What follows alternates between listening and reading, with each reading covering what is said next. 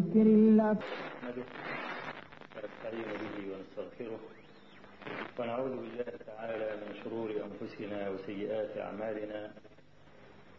من يهد الله تعالى فلا مضل له ومن يضلل فلا هادي له.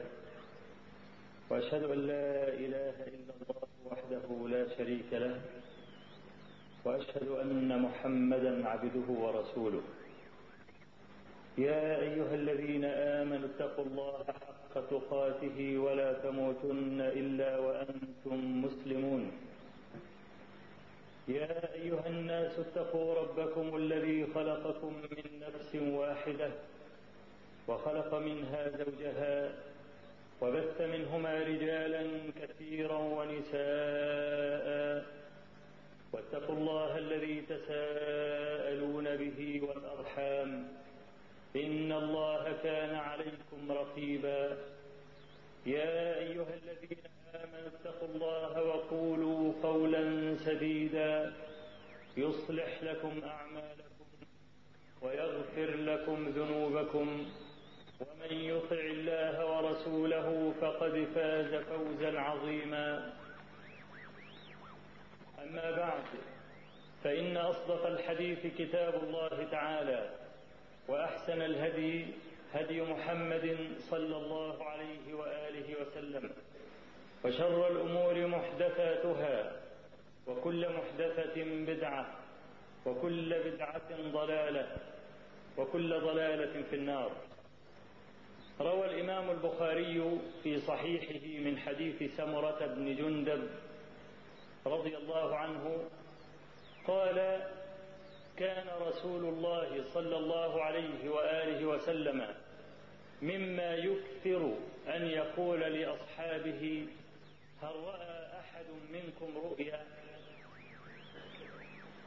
وإنه قال لنا ذات غداة إنه اتاني الليلة آتيان وإنهما ابتعثاني وإنهما قالا لي انطلق. فانطلقت معهما.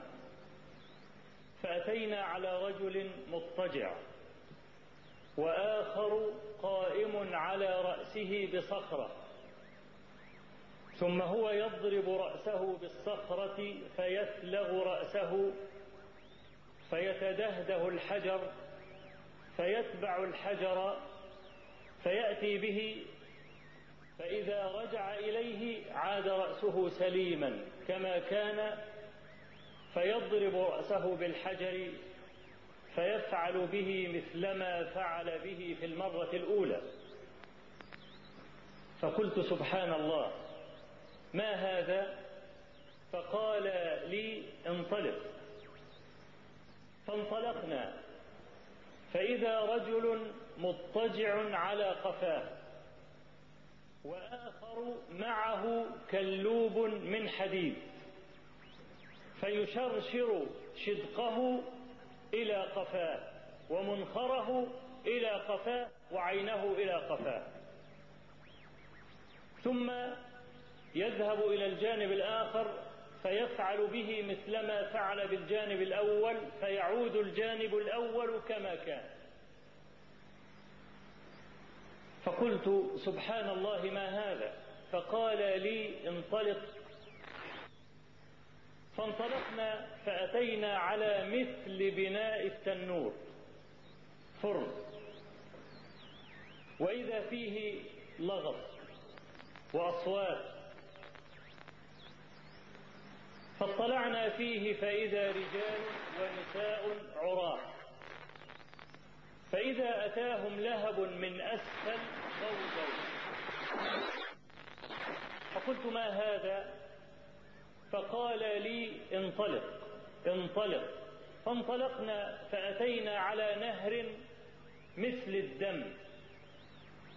وإذا رجل يسبح في هذا النهر ورجل على شاطئ النهر معه حجارة كثيرة. فيأتي هذا السابح إلى هذا الواقف على شاطئ النهر فيصغر له فاه فيلقمه حجرا. فيلتقم الحجر ثم يعود يسبح في النهر مرة أخرى. فقلت ما هذا؟ فقال لي انطلق انطلق.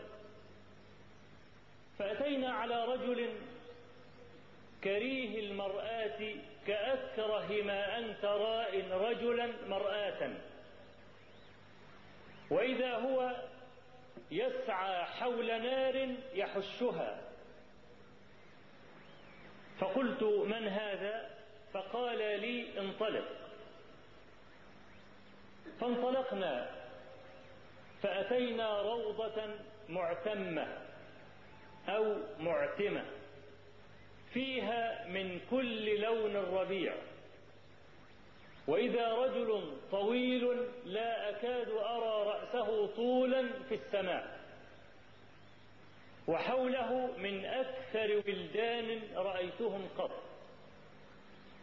فقلت ما هذا وما هؤلاء؟ فقال لي انطلق.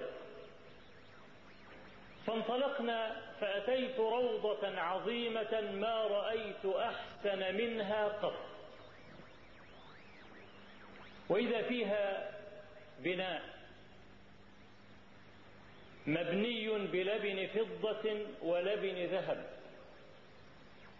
فاستفتحنا ففتحوا لنا. فلما دخلنا تلقانا رجال شطر من وجوههم كأحسن ما أنت رائن وشطر كأقبح ما أنت رائن. فقال لهم اذهبوا إلى هذا النهر وإذا نهر معترض كأن ماءه المحض من البياض. فقال لهم قعوا في هذا النهر فوقعوا فيه ثم خرجوا فإذا هم كأحسن ما أنت راء منظرا. فقال لي هذه جنة عدن وهذاك منزلك. فسما بصري صعدا في السماء فإذا قصر مثل الربابة البيضاء. الربابة لي السحابة. فقلت لهما أي بارك الله فيكما ذراني أدخله. فقال لي أما الآن فلا وأنت داخله. فقلت لهما لقد رأيت منذ الليلة عجبا فما هذا الذي رأيت؟ فقالوا أما الرجل المضطجع والآخر الذي يرمي يرمي رأسه بصخرة فهذا الرجل يأخذ القرآن فيرفضه وينام عن الصلاة المكتوبة. وأما الآخر الذي يشرشر شدقه إلى قفاه ومنخره إلى قفاه وعينه إلى قفاه فذاك الرجل يخرج من بيته فيكذب الكذبة فتبلغ الآفاق. وأما الرجال والنساء العرايا فهم الزناة والزواني. وأما الرجل الذي يسبح في نهر الدم فآكل الربا. وأما الرجل الكريه المرآة فهو مالك خازن النار. وأما الرجل الذي لا تكاد ترى رأسه طولا في السماء فهو إبراهيم عليه السلام. وأما الولدان الذين حوله فهم كل من مات على الفطرة. فقال المسلمون يا رسول الله وأولاد المشركين؟ قال وأولاد المشركين.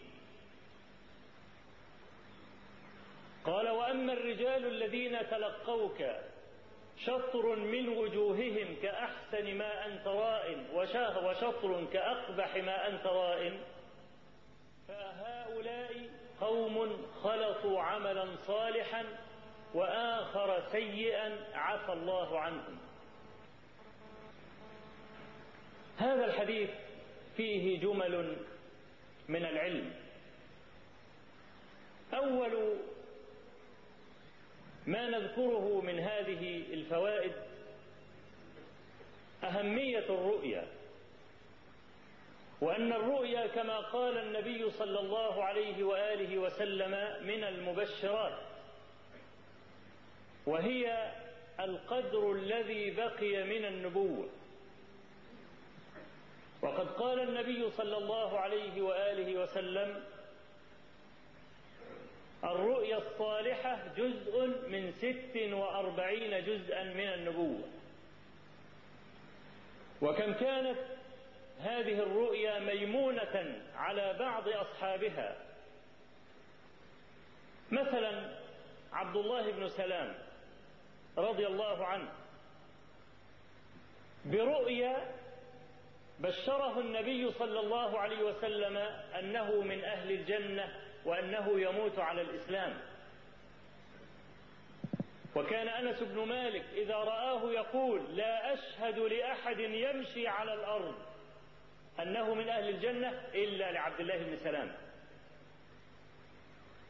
وذلك لرؤيا رآها في زمان النبي صلى الله عليه وسلم كما حكاها قيس بن عباد. قال كنت جالسا مع نفر من أهل المدينة فإذا رجل في وجهه أثر خشوع فلما رآه القوم قالوا هذا رجل من أهل الجنة. فصلى ركعتين تجوز فيهما. ثم انطلق فتبعته إلى بيته فدخلت فقلت إن القوم لما رأوك قالوا من سره أن ينظر إلى رجل من أهل الجنة فلينظر إلى هذا. وأشاروا اليك فقال عبد الله بن سلام سبحان الله ما يحل لرجل أن يقول ما لا يعلم؟ وسأخبرك لم ذاك. قال رأيت رؤيا في زمان النبي صلى الله عليه وسلم أنه في روضة وفي وسط هذه الروضة عمود. أعلى هذا العمود في السماء. وفي آخر العمود حلقة. فقيل لي ارقى. فقلت لا أستطيع. فجاءني منصف والمنصف هو الخادم. فزجل بي أي قذف بي إلى أعلى فتعلقت بهذه الحلقة فاستيقظت وإنها لفي يدي. فجئت النبي صلى الله عليه وسلم فقصصتها عليه فقال هذا عمود الإسلام وهذه عروة الوثقى وأنت على الإسلام تموت. وروى هذه القصة خرشة بن الحر ولكن بأوسع من هذا المعنى. قال بينما أنا جالس مع جماعة إذ دخل رجل وهو عبد الله بن سلام فقالوا هذا رجل من أهل الجنة. فقلت والله لأتبعنه حتى أعلم بيته. قال فانطلق فانطلقت وراءه فاستأذنت ودخلت فلما استأنس قلت له ما قال القوم. فقال الله أعلم بأهل الجنة. وسأخبرك لم ذاك. قال رأيت رؤيا ورأيت ملكا. ابتعثني فقمت فإذا جواد عن شمالي الجواد اللي الطرق. فذهبت لأسلك فيها فقال لي لا تسلك فيها. وإذا بجواد عن يميني قال خذ في هذه. فمشيت فيها فوصلت إلى جبل. فكلما أردت أن أرقى الجبل خررت واقعا لثي أي خر على قفاه. فيقوم ويريد أن يصعد الجبل فيقع على قفاه. فلما يئس أن يصعد هذا الجبل مضى. فإذا روضة عظيمة وإذا عمود وفي آخره حلقة. قيل لي ارقى قلت لا أستطيع فزجل بي هذا المنصف فرقيت وتعلقت بالحلقة واستيقظت وإنها لفي يدي. فلما قص ذلك على النبي صلى الله عليه وسلم قال أما الطرق التي كانت عن شمالك فهي طرق أصحاب الشمال وأما التي كانت عن يمينك فهي طرق أصحاب اليمين وأما الجبل الذي لم تستطع أن ترقه فمنازل الشهداء ولن تناله. وأما العمود فإنه عمود الإسلام والعروة هي عروة الوثقى وأنت على الإسلام حتى تموت. لما تنظر في حياة عبد الله بن سلام لا تراه منخدعا بمثل هذا مع أنه جاء من المعصوم صلى الله عليه وسلم. وهذا دال على استقامة منهجه. رأوه مرة في السوق يحمل متاعه على كتفه. وعبد الله بن سلام كان رجلا غنيا. وكان عنده بدل الخادم مئة. ومع ذلك كان يحمل متاعه على كتفه. فقيل له يرحمك الله عندك من يكفيك. هذه المؤنة لا سيما وأنت رجل يعني لك شأن وعندك مال. فقال سمعت النبي صلى الله عليه وسلم يقول لن يدخل الجنة من كان في قلبه مثقال ذرة من كبر. وكل إنسان أدرى بقلبه إن الكبر يدب إلى القلب دبيب النمل ولا يلتفت إليه إلا من كان ذا بصر. كثير من الناس يقع في هذا مدير عام ويحمل حقيبته. لابد الساعي يأتي بسرعة ويحمل عنه الحقيبة وإلا يديله يومين جزء. أو يديله لفت نظر أو على الأقل يتهمه بقلة الذوق.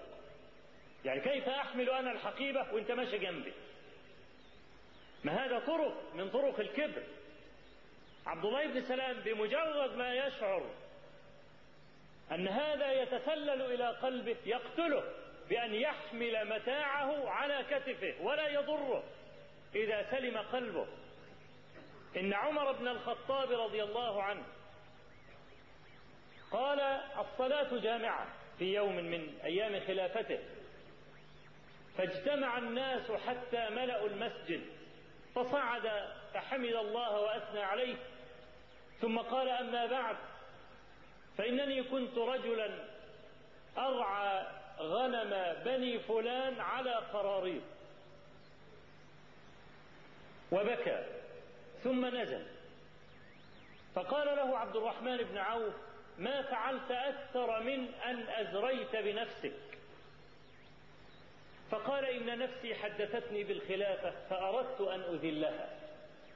إن أنت أمير المؤمنين وأنت الآن القرار بإيدك ومعك المحبس وكله ينصاع لك فأراد أن يذلها بمجرد أن حدثته بالخلافة فذكر فقره وأنه كان يرعى الغنم على قراريط لبني فلان.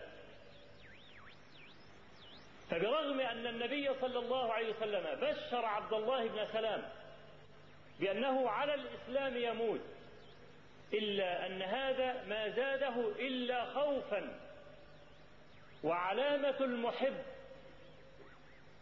أنه يخاف. ولذلك إذا نظرت في سير العباد والأولياء تراهم أكثر الناس خوفا.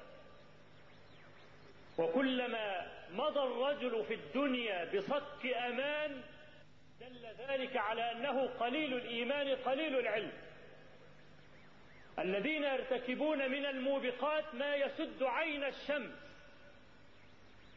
ثم إذا حدثته عن الجنة يقول إحنا قلبنا أبيض. إحنا عملنا إيه؟ قال أنا بصلي وأصوم وبطلع زكاتي في رمضان وانتهى الأمر على ذلك. سبحان الله. ما هذا الأمان الذي يمشي به؟ وقد كان السادة العباد الكبار يخافون على أنفسهم.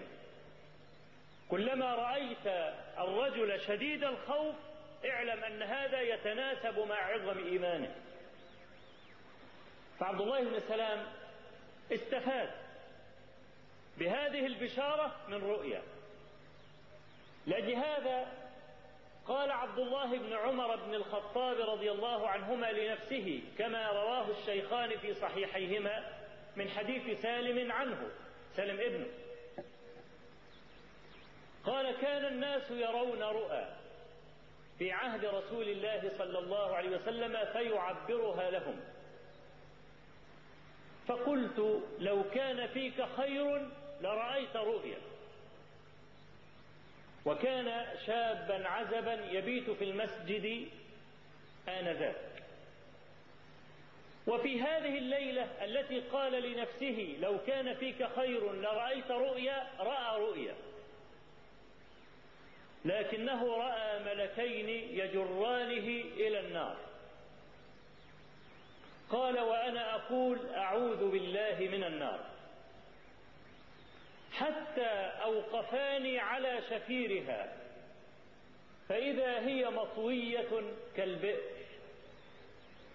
تعرف إذا حفرت في الأرض حفرة فبنيتها من الداخل بحجارة دي اسمها بئر. فإذا تركتها بغير بناء يسمى قليبا. كالقليب الذي قذف النبي صلى الله عليه وسلم فيه أبا جهل وهؤلاء العتاة في يوم بدر.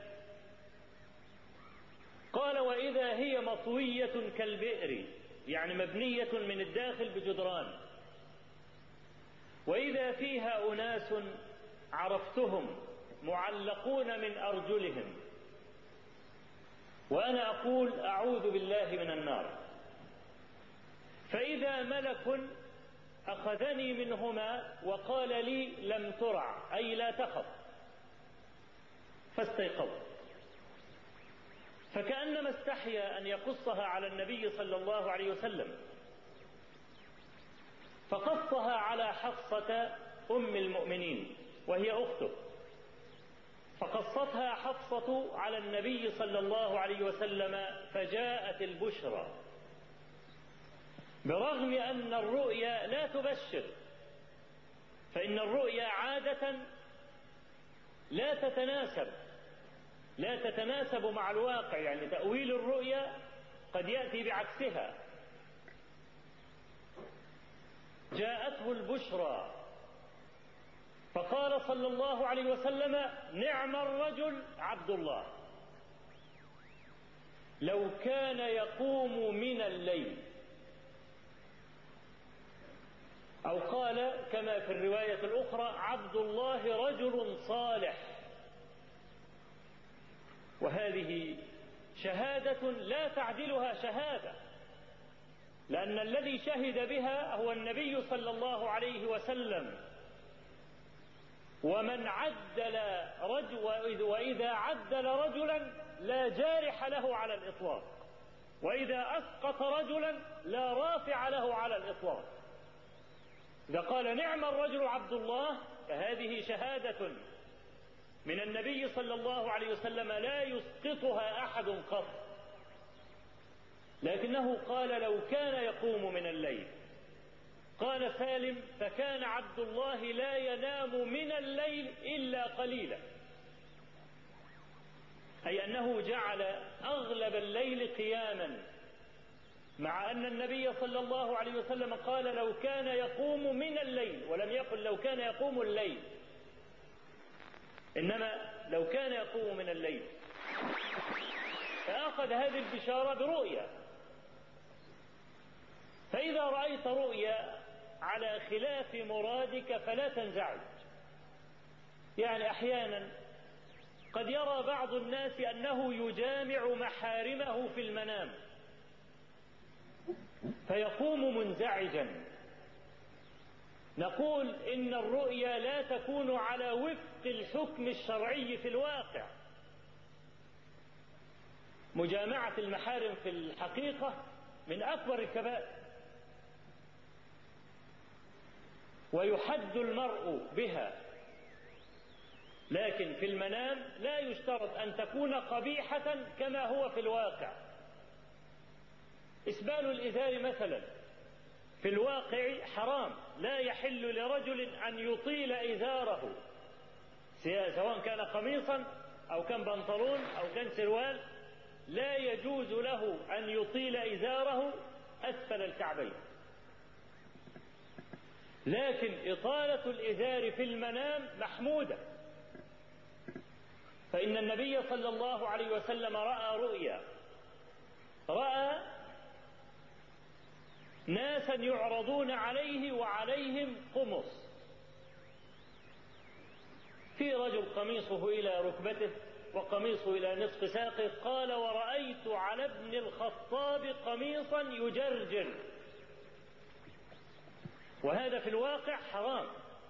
حكم الشرعي أنه حرام. ولكن في المنام رآه يجرجر. فقيل يا رسول الله وما أولته؟ قال الدين. دينه متين سابغ كثيابه فكان من أهمية الرؤيا أن رسول الله صلى الله عليه وسلم كان مما يكثر أن يقول لأصحابه. هل رأى أحد منكم رؤيا؟ ولا يكثر النبي صلى الله عليه وسلم من شيء إلا إذا كان ذا بال. لكن في هذا المجلس لم يقل لهم هل رأى أحد منكم رؤيا بل قص عليهم رؤيا رآها هو صلى الله عليه وسلم. ورأى فيها عدة مشاهد. المشهد الأول رجل مضطجع وآخر واقف بجانبه ومعه صخرة عظيمة ثم يهوي بالصخرة على رأس هذا المضطجع فيسلغ يسلغ يعني يتفتح نصين فلما يضرب بالحجر الحجر بيتدهده يتدحرج. فهذا الرجل الواقف يتبع الحجر ليأتي به مرة أخرى. فيأتي بالحجر فإذا رجع إلى المضطجع رجع رأسه كما كان سليما. فيضربه بالحجر مرة أخرى فيتدهده الحجر وتدحرج. فيذهب ليأتي بالحجر وإذا رأس هذا المضطجع تعود كما كان. وهكذا. فسأل النبي صلى الله عليه وسلم ما هذا؟ فكان تعبير ذلك أنه رجل أخذ القرآن ورفضه وينام عن الصلاة المكتوبة. أيها الإخوة الكرام رفض القرآن ألا تجعله منهج حياة. هو ده رفض القرآن وإن كنت أحفظ الناس له. قال عبد الله بن عمر بن الخطاب رضي الله عنهما تعلمنا الإيمان قبل أن نتعلم القرآن. وإنه يأتي بعدنا أقوام يتعلمون القرآن يشربونه شرب الماء. يقيمون حروفه ولا يقيمون حدوده. تغلط في حرف من حروف التفخيم ولا الترقيق يقعد يقول لك الحرف ده مخرجه من الحلق مخرجه من الزور. ويقيم لك الحرف وينطق الضاد تمام ويقول لك الضاد قريبة من الضاء ويقعد يتحذلق ويتقعر ولا يجعل القرآن منهج حياة. هو ده رفض القرآن. تناقلت وكالات الأنباء بسبب زلزال تركيا. إن سبب في الزلزال إن كان هناك قاعدة بحرية كان فيها 30 لواء إسرائيلي وأمريكي وتركي وكان في حراسة. المهم مجموع الأشخاص الذين كانوا في هذه القاعدة البحرية كانوا ثلاثة آلاف شخص. وكانت حفلة ماجنة خليعة بدأت بالخمر والنساء. فبينما وهم في عز الرقص أحد الجنرالات الأتراك نادى ضابطا آخر برتبة نقيب وقال له هات مصحف. فجاءه بمصحف. فمزق هذا الآثم المصحف وألقاه تحت أرجل الزوان والزنا. وقال ألم يقل هذا القرآن إنا نحن نزلنا الذكر وإنا له لحافظون قد مزقته ووضعته تحت الأقدام.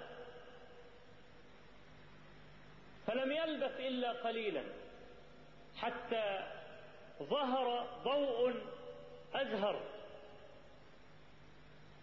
ثم حدث هذا الزلزال العميق وهذه القاعدة كلها ابتلعها البحر.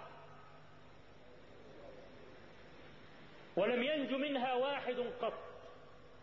ولم يقفوا لواحد لا على عين ولا على أثر حتى الآن. وكذلك أخذ ربك إذا أخذ القرى وهي ظالمة إن أخذه أليم شديد. إن في ذلك لآية لمن لمن خاف عذاب الآخرة. ذلك يوم مجموع له الناس وذلك يوم مشهود وما نؤخره إلا لأجل معدود. رفض القرآن ألا تجعله قائدا لك. قال أبو موسى الأشعري رضي الله عنه من جعل القرآن أمامه قاده إلى الجنة. ومن جعله خلفه زخه من قفاه إلى النار. لا ينبغي لرجل يريد أن ينجو غدا أن يجعل القرآن خلف ظهره. ومن العلامات على جعل القرآن خلف الظهر تكذيب السنة. لأن القرآن هو الذي أعلمنا بوجوب اتباع النبي صلى الله عليه وآله وسلم. وعجب لقوم يقولون لم يصح عن النبي صلى الله عليه وسلم إلا سبعة عشر حديثا فقط. يعني كأن النبي صلى الله عليه وسلم ظل ثلاثا وعشرين سنة لا يتكلم إلا سبعة عشر مرة فأين البيان الذي أعلمنا الله عز وجل أنه مهمة الرسول عليه الصلاة والسلام.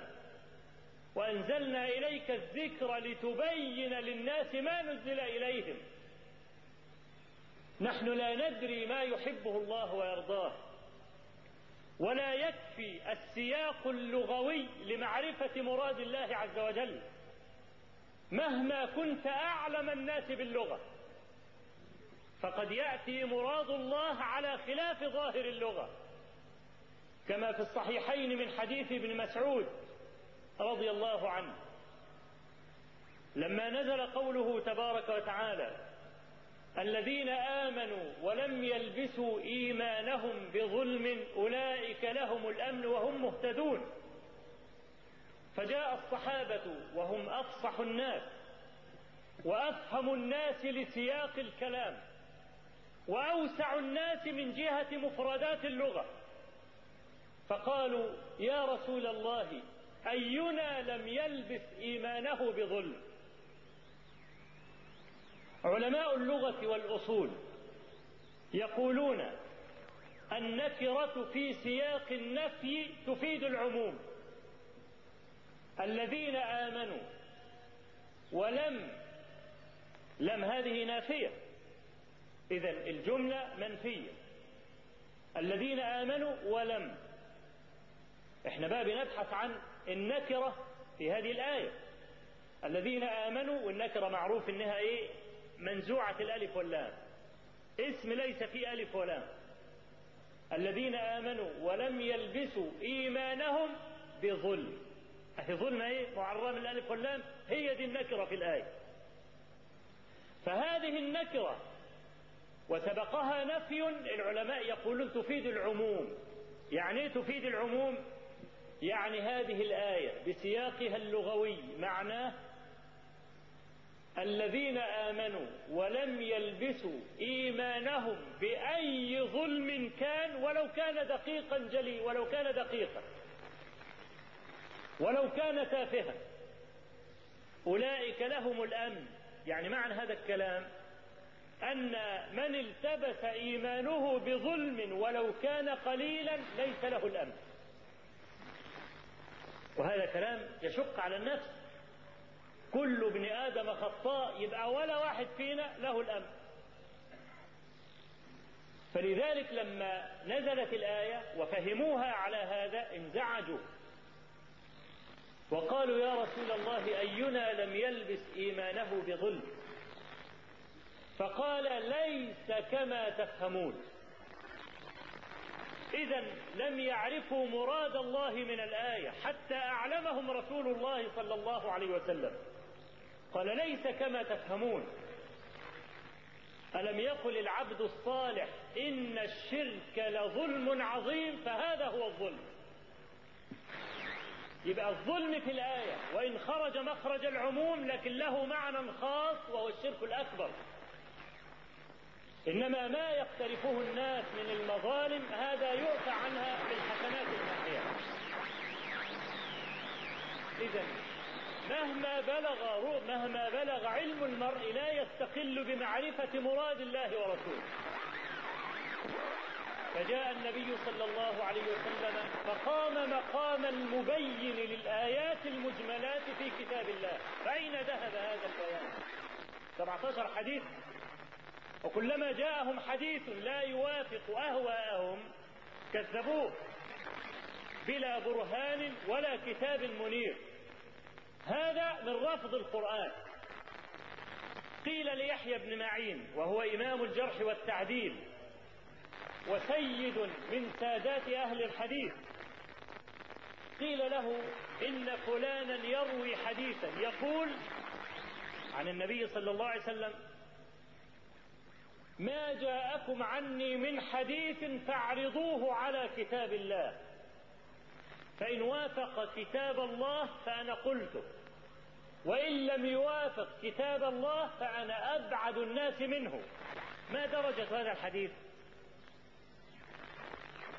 قال نظرنا في كتاب الله عرضنا هذا الحديث على كتاب الله فعلمنا أنه كذب. قيل له وكيف ذاك؟ قال لأن الله عز وجل يقول في الكتاب وما آتاكم الرسول فخذوه وما نهاكم عنه فانتهوا. فكذبنا الحديث لما عرضناه على كتاب الله. رفض القرآن لا يقتصر فقط على أن يرد المرء القرآن. لا. بل إذا رد السنة بلا كتاب منير وبلا وبدون أن يرجع إلى ما تواضع عليه أهل العلم فهذا رافض أيضا لكتاب الله عز وجل. فهذا رجل يحفظ القرآن. أخذ القرآن يعني حفظه. ثم رفضه. يا له من خاسر. وينام عن الصلاة المكتوبة. تصور رجلا يحمل كلام الله ويحفظه عن ظهر قلب فيرفضه ولا ينصاع له ولا يصلي الصلاة المكتوبة وينام عنها لذلك كان جزاؤه من جنس عمله رأسه هذا دماغه الذي نام عن الصلاة هو الذي يشج بالحجر. ثم رأى صلى الله عليه وسلم مشهدا آخر وهو رجل مستلق على قفاه وآخر معه كلوب سكينة مشرشرة كلوب من حديد فيأتي على شدقه فيشرشره إلى قفاه ومنخره إلى قفاه وعينه إلى قفاه. ثم يتحول إلى الجانب الآخر برضه عشان يشرشره فيعود الجانب الأول صحيحا كما كان. وهكذا دوالين فقال ما هذا؟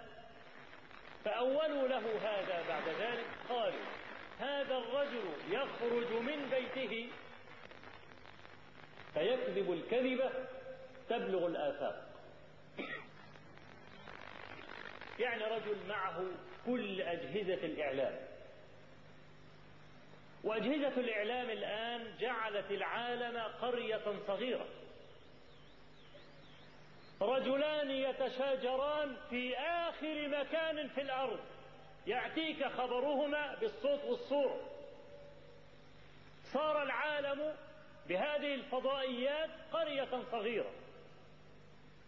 فهذا الرجل يكذب الكذبة التي لا حقيقة لها فتتناقلها كل هذه الأدوات إلى آخر مكان في الأرض. فهذا الرجل يشرشر صدقه الكاذب الذي أطلق هذه الكذبة. فما بال عينه وما بال منخره. طيب صدقه لأن هو اللي اتكلم. طب منخره إيه علاقته بالكذب؟ وعينه ما علاقته بالكذب؟ الحواس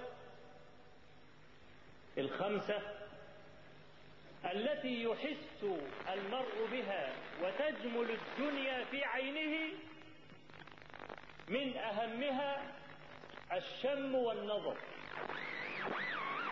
والنظر على رأس الشر. كل طموح في الدنيا سببه النظر. فإن النظر هو الذي يرسل الإشارة إلى القلب. كل ما رأيت عماره جيدة تمنيت أن يكون لك فيها مسكن. رأيت فيلا تمنيت أن تكون صاحب هذه الفيلا. رأيت سجادا فاخرا رأيت ذهبا رأيت فضة رأيت أي منظرا أي منظر معجب تمنيت أن يكون لك مثله. وهذا التمني يتحول إلى عقيدة ويتحول إلى عزيمة فيسافر المرء طلبا للمال الذي يفعل به ما رأته عينه. فيضطر أن يكذب لأجل إرضاء فلان أو فلان أو يختلف.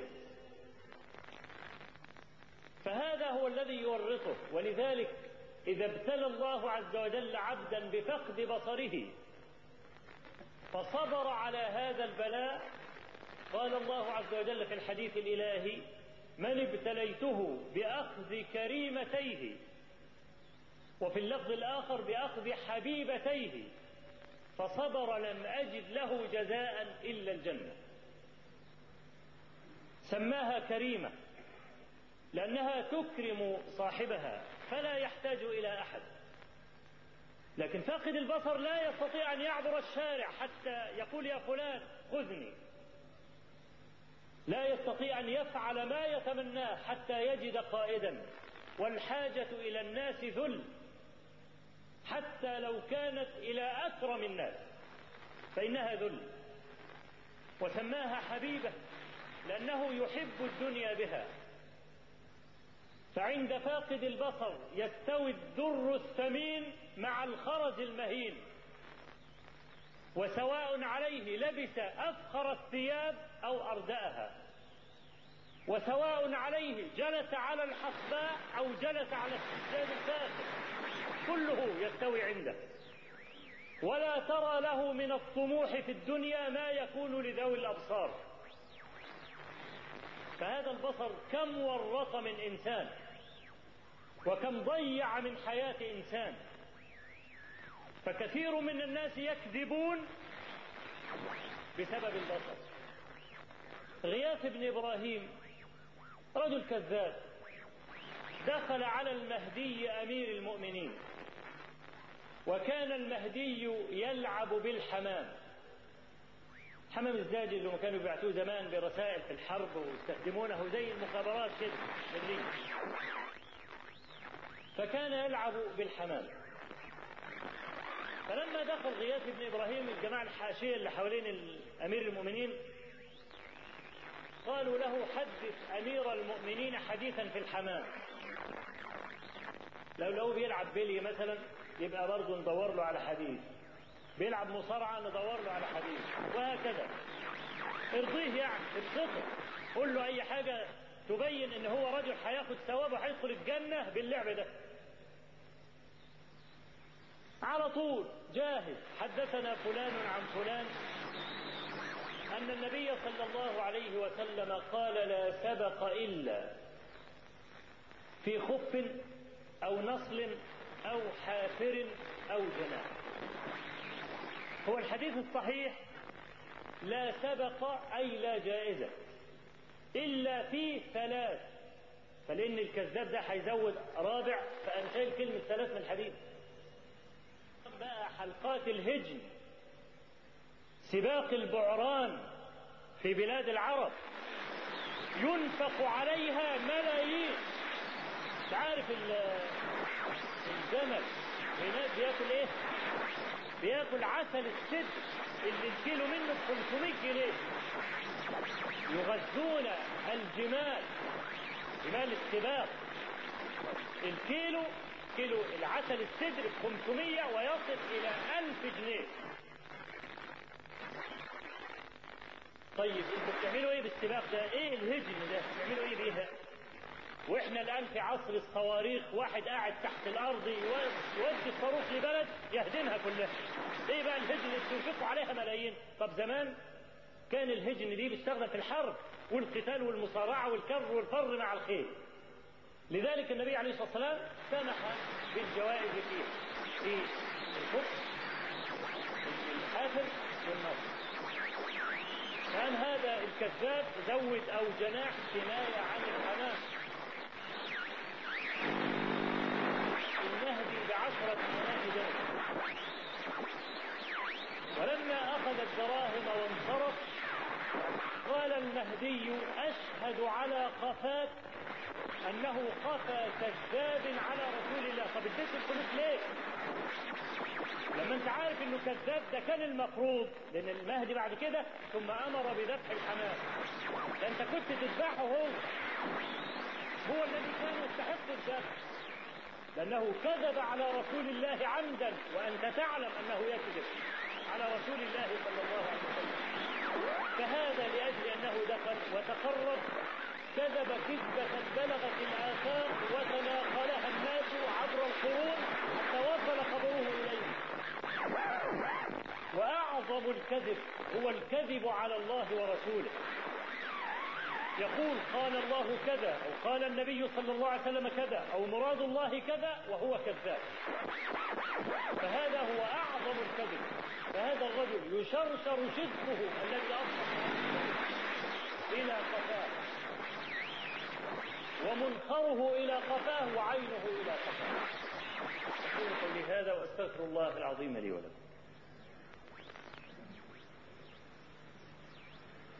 جميل. وأشهد أن لا إله إلا الله وحده لا شريك له. يقول الحق وهو يهدي السبيل. وأشهد أن محمدا عبده ورسوله. صلى الله عليه وعلى آله وصحبه وسلم. يقبح الكذب من رجل له شوكة وله مكان وله سلطان ولا يستطيع أحد أن يرد عليه كذبة. فلماذا يكذب اذا إن النبي صلى الله عليه وسلم قال ثلاثة لا ينظر الله عز وجل إليهم يوم القيامة ولا يزكيهم ولهم عذاب أليم. ملك كذاب وشيخ زان وعائل مستكبر. كل هؤلاء لماذا عوقبوا بهذه العقوبة الصارمة لا ينظر الله عز وجل إليهم يوم القيامة ولا يزكيهم ولهم عذاب أليم؟ ملك كذاب. متعود على الكذب. ده أنت ملك يعني لك شوكة ولا يستطيع أحد أن يرد عليك ما تقول. فلماذا تكذب؟ أنا أفهم أن يكذب الخائف لينجو يغير كلامه لينجو لكن أنت صاحب الشوكة. لماذا تكذب؟ لأنه خبيث وشيخ زان قد أفهم أن يزني الشاب قوي الشبب وأرجو أن لا يفهم أحد من كلامي أن أنا بأرخص في المسألة. لا قد يفهم الإنسان وتبقى المسألة مقبولة من جهة المعنى. أنت زنيت ليه؟ قوي الشهوة. ماشي. لكن رجل فنت قوته وشهوته لماذا يزني؟ لأنه خبيث قطعا. طيب عائل مستكبر. عائل يعني فقير. ومناخره في السماء. وأرجو أن تفرق بين هذا وبين الكرامة. سنكون كريم سنكون عفيف يحسبهم الجاهل أغنياء من التعفف. لا. ده فقير وقلبه مليان كبر. طب ده أنت ليس معك شيء تتكبر به. أمال لو أنت غني تعمل فينا إيه؟ إذا كان فقير ومناخره في السماء مش حد عارف يكلمه. ولهذا لو كان غنيا لو كان صاحب مال إذا لقال أنا ربكم الأعلى. فإذا وقع الشيء ولم يكن له مقتضى كان قبيحا كمثل هذا الحديث كمثل أرباب هذا الحديث. فالرجل الذي يمتلك الشوكة ثم يكذب وهو عالم أنه لا يستطيع أحد أن يعاقبه فهذا يدخل دخولا أوليا في هذا الحديث. فإذا انضاف على ذلك أنه يكذب على الله ورسوله فتلك الطامة الكبرى. والإشكال في ذلك أنه إذا بلغت كذبته الآفاق لا يستطيع أن يصححها. الجاحظ مرة ماشي في البادية فسمع جارية تقول منطق صائب وتلحن أحيانا وخير الكلام ما كان لحنا. فعجب هذا البيت فدونه في كتاب له ثم فسره فسر اللحن في هذا البيت كالآتي. قال يستعذب اللحن من الجواري. منطق صائب وتلحن أحيانا. اللحن اللي هو الغلط. تفسير الجاحظ للحن قال لك إن المرأة لما تقلب الكلام وتكسره يبقى منها كويس وجميل. لكن المرأة لما تتكلم كده زي سيبويه اللغة العربية الفصحى تبقى مش كويسة. فقال لك إن الجارية بقى لما تكسر الكلام وتقلبه الكلام دوت يبقى كويسة وجميلة ومقبولة ففسروا بهذا. فقال له رجل من البادية إن المرأة ما قصدت ما قلت أو ما فهمت. إنما قصدت إيه؟ قصدت الذي يسميه علماء البلاغة التورية. تلحن أحيانا يعني تقول كلاما غير مراد. فاللحن هنا لحن في المعنى وليس لحنا في اللفظ كما فهم الجاحظ كما في حديث كعب بن مالك الذي رواه الشيخان قال كعب بن مالك كان النبي صلى الله عليه وسلم إذا أراد غزوة ورى بغيرها. عشان ما فيش حد يعرف هو رايح فين. ورى بغيرها يعني عم سبيله عن الناس. إذ الحرب خدعة هو رايح هنا يروح يقول هنروح هنا هذه معنى التورية كلام له معنى قريب ومعنى بعيد. أنت عندما تقول هذا الكلام تقصد المعنى البعيد والمستمع يفهم المعنى القريب. زي مثلا أنا صائم. كل الجلوس في هذا المسجد ومن يسمع هذا الكلام إذا سمع مني أنا صائم يبقى يتبادر إلى ذهنه أقرب معنى للصيام وهو الإمساك عن الشرب والأكل والجماع من طلوع الفجر إلى غروب الشمس. ولكن الصيام لغة أبعد من هذا الصيام مطلق الإمساك.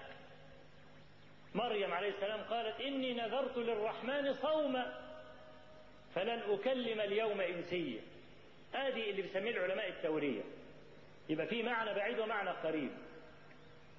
مثل ابنة الرجل الصالح لما قالت وأعجبها موسى عليه السلام أعجبتها أعجبها أمانته وفتوته فبدل ما تقول لأبيها يا أبت زوجنيه أو إن راجل كويس قالت يا أبت استأجره إن خير من استأجرت القوي الأمين. فلم تصرح بمرادها لكن أباها فهم مرادها.